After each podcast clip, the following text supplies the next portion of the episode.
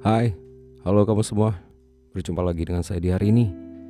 Semoga kalian itu dalam keadaan yang sehat walafiat dan tidak kurang suatu apa pun sehingga kita bisa melaksanakan kegiatan eh, lalu mengemban tanggung jawab dan amanah itu lebih siap dan lebih bugar lagi gitu. Em, pada episode kali ini hmm, masih agak-agak serak ternyata saya.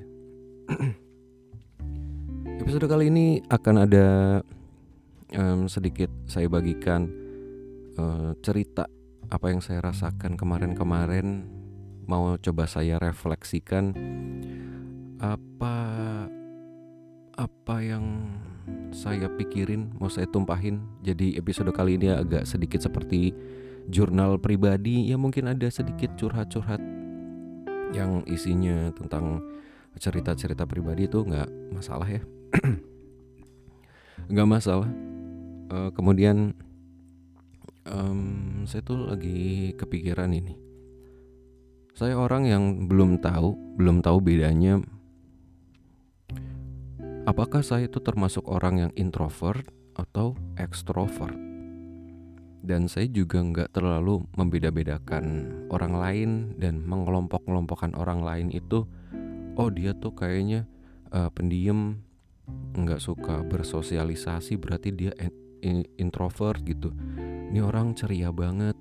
Eh, temannya banyak gampang bergaul gampang akrab sama orang lain berarti itu artinya ekstrovert. Saya cenderung nggak nggak mikirin itu. Eh, mungkin memang ada orang yang nggak suka bareng-bareng rame-rame gitu. Ada juga yang suka rame-rame. Eh, kemudian saya nyari-nyari lagi nyari-nyari artikel nyari-nyari video di YouTube kemudian menemukan beberapa referensi yang kemungkinan ya se- seharusnya sih bisa jadi masukan buat saya. Bisa jadi eh, masukan biar bikin saya improve lagi. Bentar nih headset saya copot. Bulatannya copot. Eh, oke. Eh, ada beberapa artikel yang saya baca kemarin-kemarin tuh saya mencoba untuk hmm, mau cerita dikit. Mencoba untuk lebih akrab dengan orang lain lebih cair lebih ngeblend biar apa ya saya temannya tuh dikit dan saya lagi pengen nyari relasi yang banyak. Kadang-kadang saya saya nyoba buat eh, membaur dengan orang lain mengikuti cara berkomunikasinya, cara bergaulnya, tempat nongkrongnya, cara bercandanya saya tiru. Eh, bukan saya tiru sih. Saya sepadankan, eh, seimbangin. Pokoknya pengen ngimbangin orang itu agar kita bisa bisa bergaul gitu, bisa berteman, bisa akrab. Tapi kadang-kadang kalau udah pulang di rumah sendirian, kadang-kadang saya ngerasa kok kok saya nggak jadi nggak kayak ini ya kayak diri saya sendiri gitu. Saya seolah-olah itu malah jadi orang yang ngikutin orang lain jadi bukan jadi diri sendiri. Seolah-olah kayak kayak nggak jujur gitu sama diri sendiri. Tapi saya sadari bahwa hal itu tuh penting. Saya penting eh, saya butuh buat dapat relasi yang lebih banyak lagi teman yang lebih banyak lagi. Tapi saya sadar kalau saya nggak mengubah sesuatu kalau saya nggak em, menyelaraskan bahasanya gimana ya? Eh, menyelaraskan diri saya bagaimana saya membawa diri sama orang lain gitu saya nggak bakal dapat relasi atau teman yang baru. Dan kalau misalnya saya boleh memasukkan antara kedua itu introvert dan extrovert kemungkinan saya itu termasuk ke yang introvert Em, ya sepertinya introvert. Tapi eh, saya juga ragu nggak mau self diagnose saya nggak mau diagnosa diri saya sendiri lalu mengelompokkan diri saya sendiri sebagai introvert dan extrovert. Kadang-kadang ada ini irisannya perpaduannya. Kadang-kadang saya merasa seperti introvert kadang-kadang saya merasa seperti extrovert gitu Sampai saya menemukan uh, ada artikel juga. ada artikel uh, dan saya nonton uh, video YouTube-nya Felixandro Ruby yang punya podcast 30 Day of Lunch yang bareng Ari Aryo Pratomo. Dia membahas sebuah buku yang judul bukunya adalah Quiet. Yang nulis itu Susan Chain. Kemudian saya cari-cari referensi uh, sebenarnya buku ini nih menjelaskan apa gitu. Hmm. Buku yang ditulis oleh Susan Chain ini akan mengubah pandangan Anda terhadap orang-orang yang berke berkepribadian introvert. Dunia yang kita tinggali saat ini cenderung memandang remeh orang-orang introvert dan mengagungkan para ekstrovert. Padahal banyak dari tokoh yang berkontribusi besar terhadap dunia adalah mereka yang berkepribadian introvert. Para ekstrovert mendominasi kehidupan kita. Orang-orang yang berkepribadian ekstrovert adalah orang-orang yang disenangi, dihargai, dan dicari, eh, sangat dicari. Kemudian, orang-orang yang berkepribadian ekstrovert ini layak menjadi seorang pemimpin karena cakap bersosialisasi, pintar berkomunikasi, suka bekerja dalam tim, aktif, dan memiliki tingkat kepercayaan diri yang tinggi. Sementara itu, orang-orang introvert adalah kebalikannya. Orang-orang introvert cenderung pemalu, kaku, tidak cakap bersosialisasi, suka bekerja sendiri, dan terlihat pasif. Orang-orang introvert dianggap sebagai masyarakat kelas kedua dan bukanlah calon pemimpin yang ideal. Inilah pandangan umum yang banyak orang inilah pandangan umum uh, banyak orang tentang dua tipe kepribadian yang ada. Tipe kepribadian ekstrovert dianggap jauh lebih baik daripada tipe kepribadian introvert.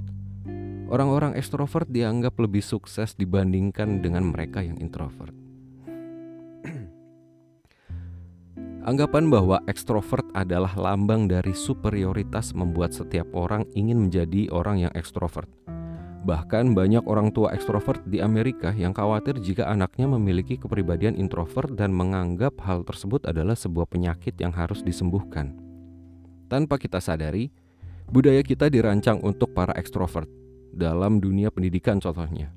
Para guru menginginkan para siswanya agar aktif, suka bertanya, berani tampil, dan percaya diri. Siswa yang suka bertanya meski kadang tidak ber uh, mesti kadang tidak bermakna, dianggap sebagai siswa yang pintar. Sementara siswa yang cenderung diam dan terlihat pasif dianggap siswa yang tidak memiliki motivasi. Padahal belum tentu demikian. Begitu juga di lingkungan kerja. Ruang kerja kita dirancang terbuka dengan tujuan untuk memudahkan para karyawan bertukar pikiran dan bersosialisasi. Tidak ada sekat antar ruang sehingga tidak ada ruang privasi bagi karyawan. Selain itu, Berbagai buku dan pelatihan tentang cara menjadi orang-orang bertipe ekstrovert pun banyak beredar dan laris di pasaran. Buku-buku ini memberikan kiat-kiat agar Anda menjadi pribadi yang aktif, komunikatif, dan persuasif. Buku Dale Carnegie Dale, Dale Carnegie siapa? Aku nggak tahu. Yang berjudul How to Win Friends and Influence People adalah salah satu buku tentang ini yang sangat laris di pasaran. Introvert memiliki kelebihan dan uh, dan mampu berkontribusi. Pandangan umum dan lingkungan ini tentu membuat para introvert merasa rendah diri dan tidak terlalu menikmati hidup. Mereka merasa bahwa keberadaannya tidak terlalu diperhitungkan dan diharapkan. Ada dari mereka yang berusaha untuk mengubah kepribadiannya menjadi ekstrovert Sayangnya hal ini tidak menjadikannya lebih baik, malah menimbulkan penyakit pneum pneumonia ganda. Pneumonia ganda. Ya, sorry. Namun, persepsi umum tentang introvert ini tidak sepenuhnya benar. Para introvert, di balik sifat pemalunya adalah seorang yang kreatif dan inovatif. Mereka lebih kreatif ketika bekerja sendiri dibandingkan bekerja di dalam sebuah tim.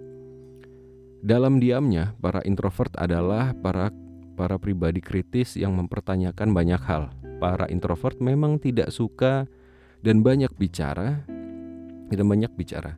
Namun ketika mereka bicara, apa yang keluar dari mulut, mulut mereka adalah hal-hal yang dalam dan penuh makna yang mampu mempengaruhi orang lain. Oleh karena itu, introvert perlu diberikan ruang khusus agar mereka mampu mencapai potensi terbaiknya. Banyak tokoh dan pemimpin dunia yang berkepribadian introvert. Beberapa dari mereka adalah J.K. Rowling, Steve Wozniak, Eleanor Roosevelt, Rosa Parks, dan Mahatma Gandhi.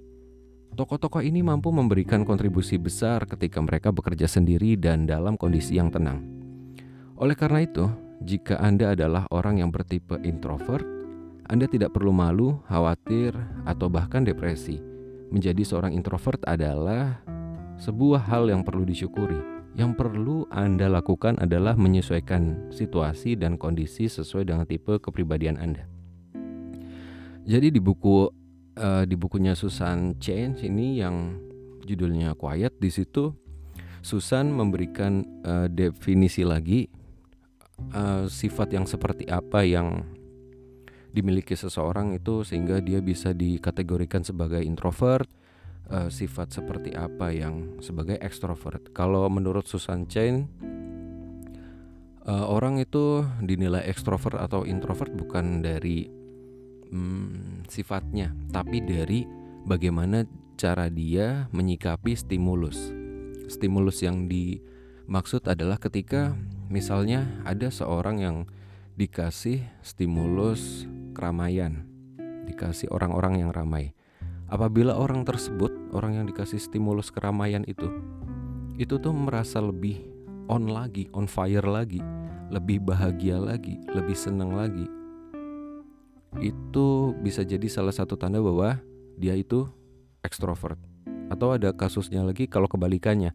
Ada orang yang dis, uh, distimulus dengan keramaian tapi dia malah merasa lebih mudah lelah dan tidak terlalu on gitu ya, tidak terlalu senang, lebih senang untuk one on one on one sama orang lain daripada satu banding banyak. Itu mungkin salah satu tanda dari kamu adalah introvert. Ya, seperti itu. Menurut uh, Susan Chen dalam bukunya Quiet.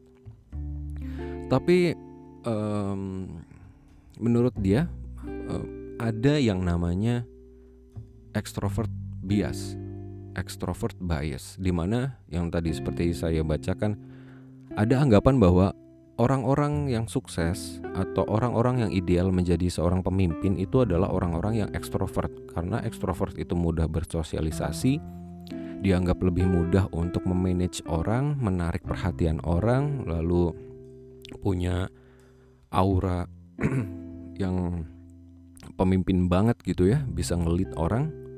Padahal tidak terlalu tidak sepenuhnya benar gitu karena ada juga dia mencontohkan tokoh-tokoh dunia yang paling besar tuh ya itu Bill Gates itu ternyata dia adalah seorang introvert. Lalu dia bilang di bukunya kalau orang yang introvert maupun ekstrovert itu sama-sama bisa buat memiliki kemampuan berbicara di publik. Artinya juga bisa dia memanage orang atau jadi leader. Tapi punya karakteristik yang beda-beda antara orang ekstrovert dan introvert. Kalau orang ekstrovert mungkin memang dia lebih bisa um, ngemong gitu ya, bersosialisasi dengan orang lain dengan caranya gitu ya. Kalau yang introvert mungkin harus memiliki ini, dia bikin sistem dulu buat memanage orang, lalu orang lain itu harus mengikuti sistem yang udah dia buat. Jadi cuma sesekali gitu um, ngontrolnya dan itu one on one nggak nggak selalu harus di keramaian dan kemudian juga public speaking juga ternyata bisa dilatih juga nggak menutup kemungkinan bahwa orang yang pemalu atau orang yang sebenarnya pendiam nggak suka bicara itu nggak punya public speaking yang bagus. Karena ternyata public speaking itu ya bisa dilatih. Dan sepertinya saya harus melatih itu. Biar ngomongnya lebih bagus lagi. Bukan lebih bagus sih. Uh, inti dari public speaking atau berkomunikasi kan adalah menyampaikan pesan. Dan pesannya itu nyampe ke orangnya. Bukan bagaimana menyampaikan pesan dengan indah. Ya memang kalau menyampaikan pesan atau um, ya gitu bingung lagi. Menyampaikan pesan dengan indah ya memang terlihat wow atau dengan berapi-api kayak ini leader MLM ya. Wow bersemangat sekali. Uh, saya pengen menularkan semangat-semangat ini. Tapi apakah pesan itu sampai? Kalau nggak sampai berarti komunikasinya gagal dong. Public speakingnya tidak terlalu berhasil. Ya gitu. Saya jadi nyari-nyari referensi yang kayak gitu. Referensi-referensi yang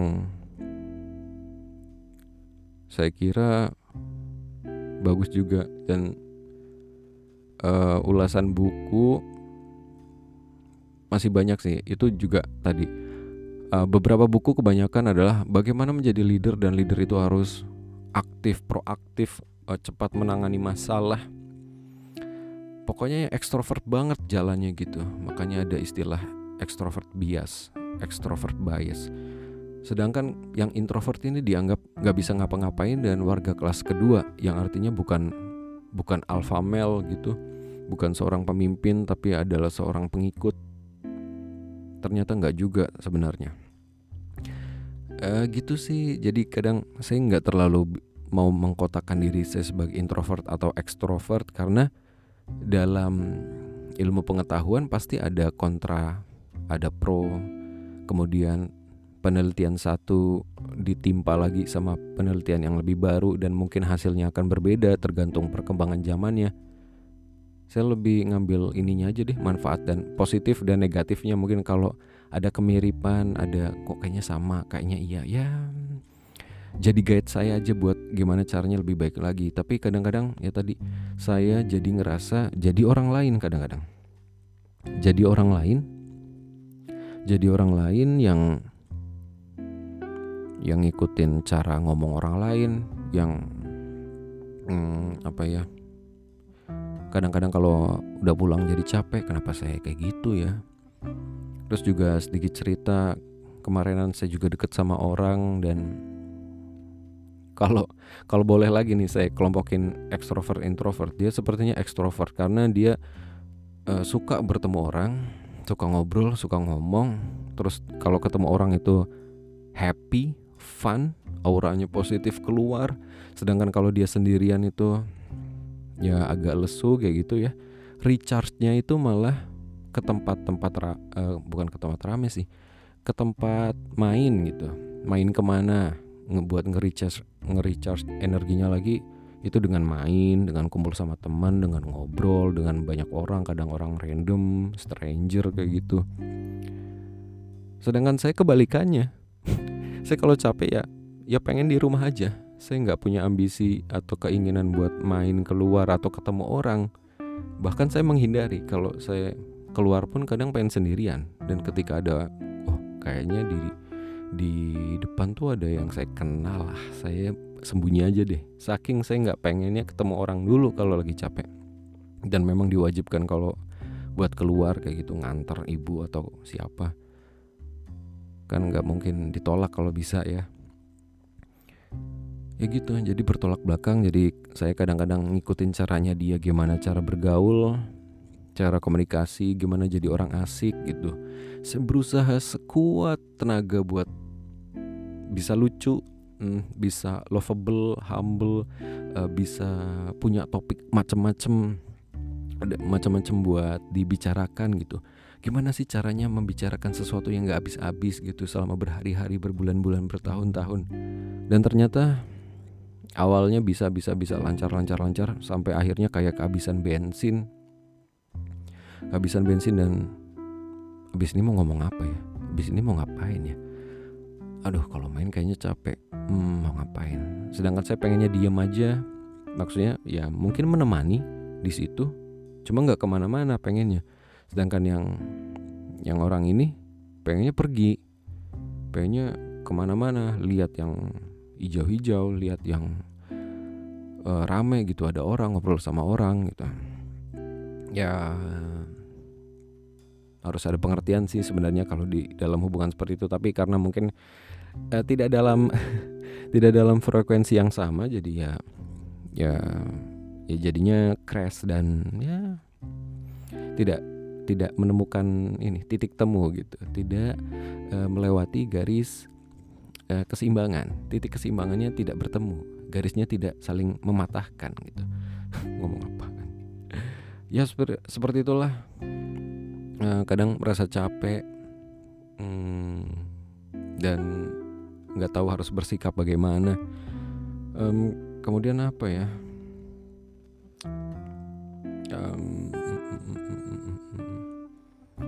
Uh, bentar bentar bentar bentar bentar.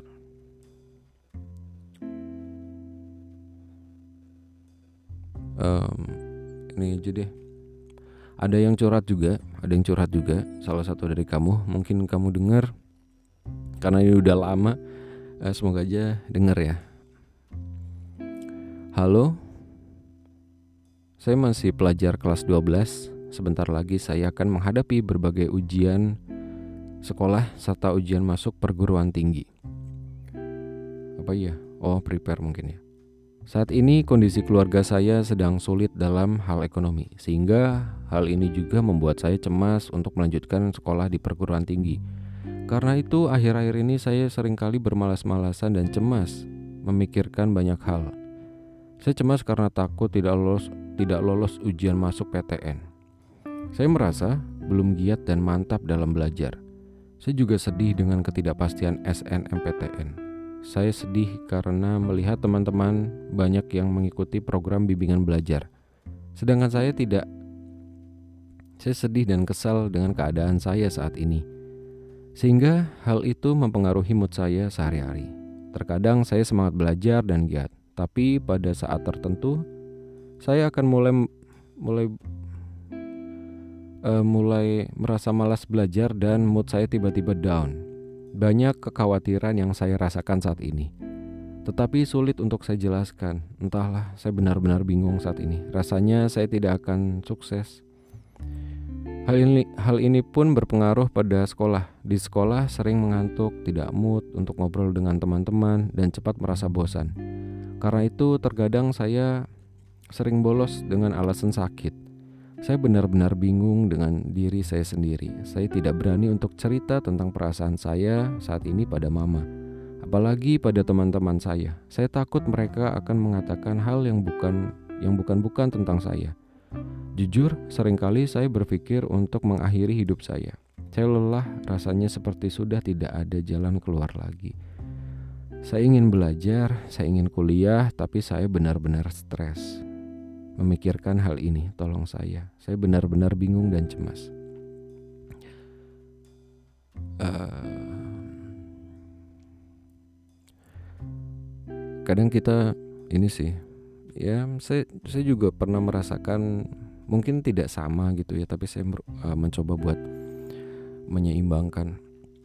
Uh, saya juga pernah merasakan hal yang tidak enak gitu, ada masalah di keluarga, ada masalah dengan teman-teman, ada masalah dengan sosial gitu. Kadang-kadang saya juga merasakan males, nggak mood, nggak ngapa-ngapain dan itu nggak pengen ngobrol sama siapa-siapa. Kemudian juga dulu juga sempat terlintas apakah saya mau bunuh diri atau gimana atau enggak. Tapi sepertinya sepertinya saya terlalu pengecut dan takut mati akhirnya. Dan keadaan seperti itu saya cuma mau berbagi sih. Saya nggak punya saran apa-apa takutnya salah. Yang saya rasakan saat itu ketika saya merasakan banyak sekali masalah dan beban gitu nyesek di dalam dada dan saya pendem sendirian saya nggak mau bagi sama orang lain saya menjauh dari teman-teman keluarga nggak jujur rasanya makin berat tapi untuk jujur pun kadang takut. Takutnya orang lain menganggap remeh sepele hal yang kita rasakan gitu. Padahal kita rasain berat banget. Takutnya kalau kita cerita orang lain ah gitu doang kok gitu. Ada rasa takut buat cerita. Uh, kemudian mungkin karena saking udah nggak kuatnya akhirnya saya eh, nggak uh, tahu ya mungkin ada misteri semesta juga yang berperan gitu. Ketika saya down ya udah mau ke mana lagi? Saya cuma mau eh, nggak uh, tahu mau ke mana-mana. Arah saya nggak tahu mau cerita ke siapa. Akhirnya saya cerita ke Tuhan. Saya cerita ke Tuhan uh, dengan sholat. Ya walaupun tidak terlalu bagus sholatnya dan mungkin tidak terlalu kusuk tapi saya mencoba buat kembali lagi karena emang merasa nggak ada siapa-siapa lagi buat cerita. Dan entah bagaimana ceritanya kemudian saya dipertemukan lagi sama teman-teman lama saya. Teman-teman lama saya datang lagi buat nggak tahu saya hai terus akhirnya sering nongkrongin saya. Waktu itu saya lagi dagang makanan di jalan di pinggir jalan. Masih dagang itu nyari uh, seripilan uang itu tambahan uang. Mereka jalan mereka sering nemenin saya dagang mereka sering nongkrong terus nanti habis dagang mereka masih nemenin saya makan gitu pada akhirnya saya mau nggak mau sepertinya saya harus cerita sama orang lain. Sepertinya saya harus melepaskan diri gitu dari rasa ketidakpercayaan saya kepada orang lain. Akhirnya ya gitu mau nggak mau dengan secara terpaksa dan pelan-pelan bertahap gitu ya saya kan teman-teman kadang bercanda dan ya kadang kayak gitu. Saya kalau sama teman ya have fun happy happy happy bercanda. Padahal lagi nggak baik-baik aja. Akhirnya saya mencoba jujur sama teman saya cerita apa adanya gini gini gini gini. Uh, kadang juga saya bilang saya mau uh, kamu kasih pendapat dong solusinya gimana. Atau kadang-kadang saya juga hmm, saya mau cerita aja gitu dengerin aja ya jangan jangan tanggepin apa-apa gitu. Saya mencoba buat terbuka. Dan ya akhirnya terbuka ada sedikit rasa lega gitu. Dan soal kondisi di rumah uh, gimana ya?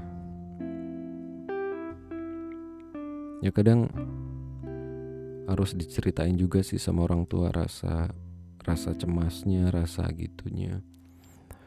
Uh, saya banyak nggak banyak sih. Ada beberapa sudut pandang gitu yang saya pelajarin. Uh, di sudut pandang psikologi mungkin saya uh, dapat insight buat untuk lebih menerima e emosi negatif gitu. Buat nerima emosi negatif tapi jangan dibalas dengan emosi negatif. Terus uh, fokus sama diri sendiri fokus sama apa ya nerima apa yang sudah ditakdirkan gitu tapi tetap harus jalan. Terus jangan bandingin diri diri diri sendiri itu sama orang lain gitu. Walaupun kadang-kadang ini era sosial media kita lihat teman kita dapat prestasi apa gitu udah misalnya dapat nilai bagus juara apa lomba band menang uh, punya cewek bagus motor bagus mobil bagus HP baru kayak gitu. Kadang kita jadi membandingkan diri sama orang lain akhirnya ada rasa nggak nyaman akhirnya. Aduh kok dia dapat saya enggak kok dia punya saya enggak gitu kadang. Terus kadang juga saya healingnya dengan olahraga.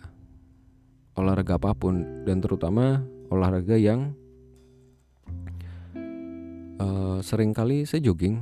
Tapi kalau lagi pengen ada temen ngobrol gitu saya ke olahraga yang rame. Grup futsal volley atau kayak gitu dah yang ada orang banyaknya kayak gitu.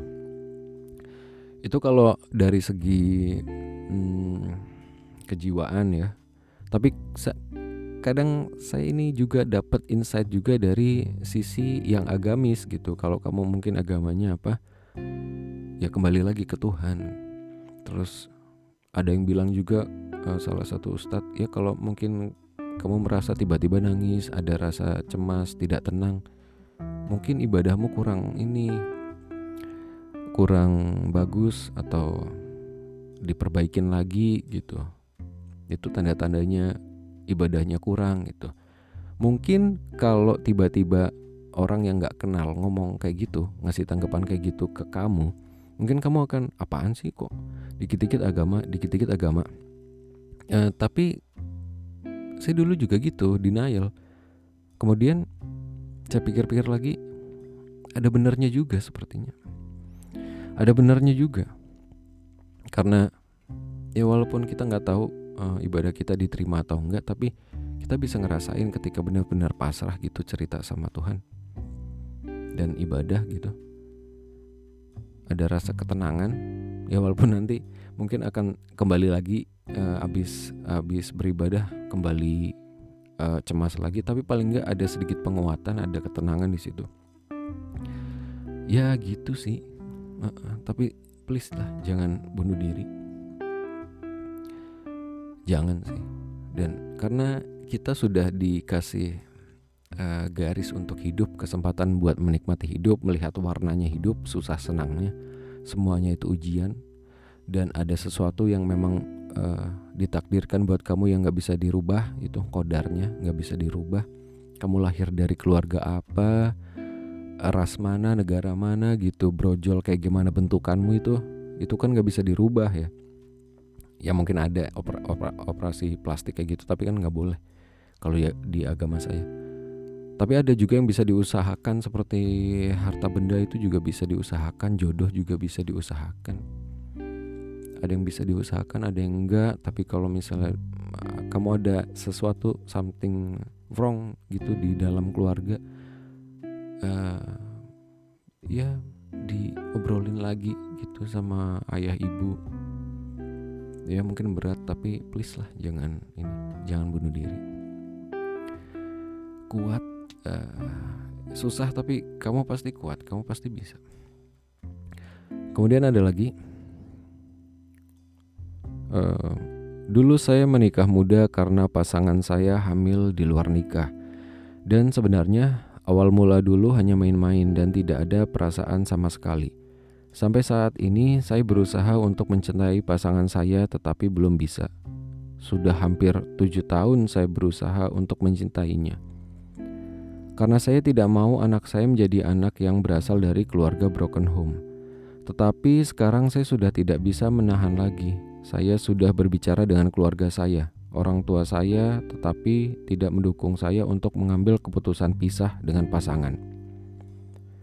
Akhirnya anak dan istri pulang ke rumah orang tua. Pulang ke rumah orang tua istri saya dan saya di rumah. Saya bertemu mereka hanya saat hari Minggu ketika mereka pulang ke rumah saya. Perubahan yang saya harapkan, apakah saya harus mengikuti kata orang tua untuk bertahan dengan pasangan yang tidak saya cintai, atau dengan berpisah tetapi tetap mengasuh anak kami? Um, sepertinya uh, kamu bercerita dengan orang yang belum uh, ini ya, belum berpengalaman. Tapi terima kasih sudah cerita. Um, saya bakal ini lagi deh ya menyeimbangkan lagi cerita uh, nyerempet nyerempetin sama apa yang saya rasain kan rasain gitu. Nah, karena mungkin baru sebatas itu saya tahunya karena saya belum nikah dan saya belum punya anak. Kalau bertahan dengan pasangan yang tidak dicintai um, saya bisa menyimpulkan bahwa saya pernah ada di situasi bahwa saya itu tidak dicintai oleh pasangan saya dan rasanya itu menyakitkan ketika ternyata orang yang kita kasih perhatian, kasih kasih sesuatu yang kita anggap cinta dan sayang kepada dia dan sepertinya kita lihat dia itu seperti happy, bahagia, membalas apa yang kita kasih dengan hal yang kita anggap sama. Tapi Indian ternyata enggak. Ternyata itu adalah pura-pura. Ternyata dia itu hanya nggak kepengen kita merasa kecewa atau sedih karena rasa kasihan. Dan ketika saya tahu itu bahwa itu adalah respon rasa kasihan, bukan benar-beneran feedback yang jujur, itu sakit banget. Itu sakit banget. Rasanya seperti dibohongi, dihianati gitu. Rasanya jadi nggak berharga gitu. Saya kayaknya udah pol-polan. Saya kayaknya udah uh, maksimal gitu, to the max buat melakukan hal yang sepertinya perlu dilakukan seorang pasangan terhadap pasangannya. Tetap, uh, tetapi ternyata enggak. Tapi kembali lagi sih, saya memang belum nikah, tapi saya pernah dengar kalau pernikahan itu itu selalu ada ujiannya. Uh, mohon maaf, um, saya pernah dengar juga kalau sesuatu, misalnya pernikahan itu diawali dengan hal yang kurang baik ya, tanda kutip, kurang baik itu biasanya ya bakal menimbulkan masalah di kemudian hari. Uh, yang kurang baik yang saya kutip adalah hamil duluan. Hamil duluan berarti dan kamu tidak serius, tidak direncanakan, hanya niatnya hanya main-main tapi ternyata hamil, berarti kamu ketemu di mana? Gitu. Uh, kemudian karena kamu sudah mencoba untuk bertanggung jawab, ya itu adalah bagian dari konsekuensi tanggung jawabmu karena sudah melakukan perbuatan itu. Sama-sama melakukan. Dan sudah punya anak dan anaknya sudah besar. Uh, saya pernah dikasih tahu orang bahwa di pernikahan itu tidak full semuanya tentang cinta.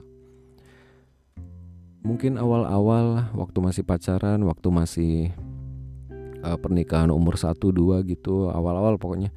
Itu masih tentang cinta sayang macam-macam. Tapi ada yang bilang uh, makin ke sini makin tahun punya anak punya masalah macam-macam makin tua yang ada uh, adalah rasa kasihan. Nggak enak saling menghargai gitu. Dan ketika punya anak biasanya semua seluruh perasaan hampir deh hampir seluruh perasaan itu tertumpah ke anak. Anak yang jadi alasan buat hidup buat uh, berkarir lebih bagus buat cari uang tujuan atau motivasi buat walaupun lagi sakit ini harus cepat-cepat sembuh gitu. Biasanya itu lebih ke anak kata orang yang udah nikah.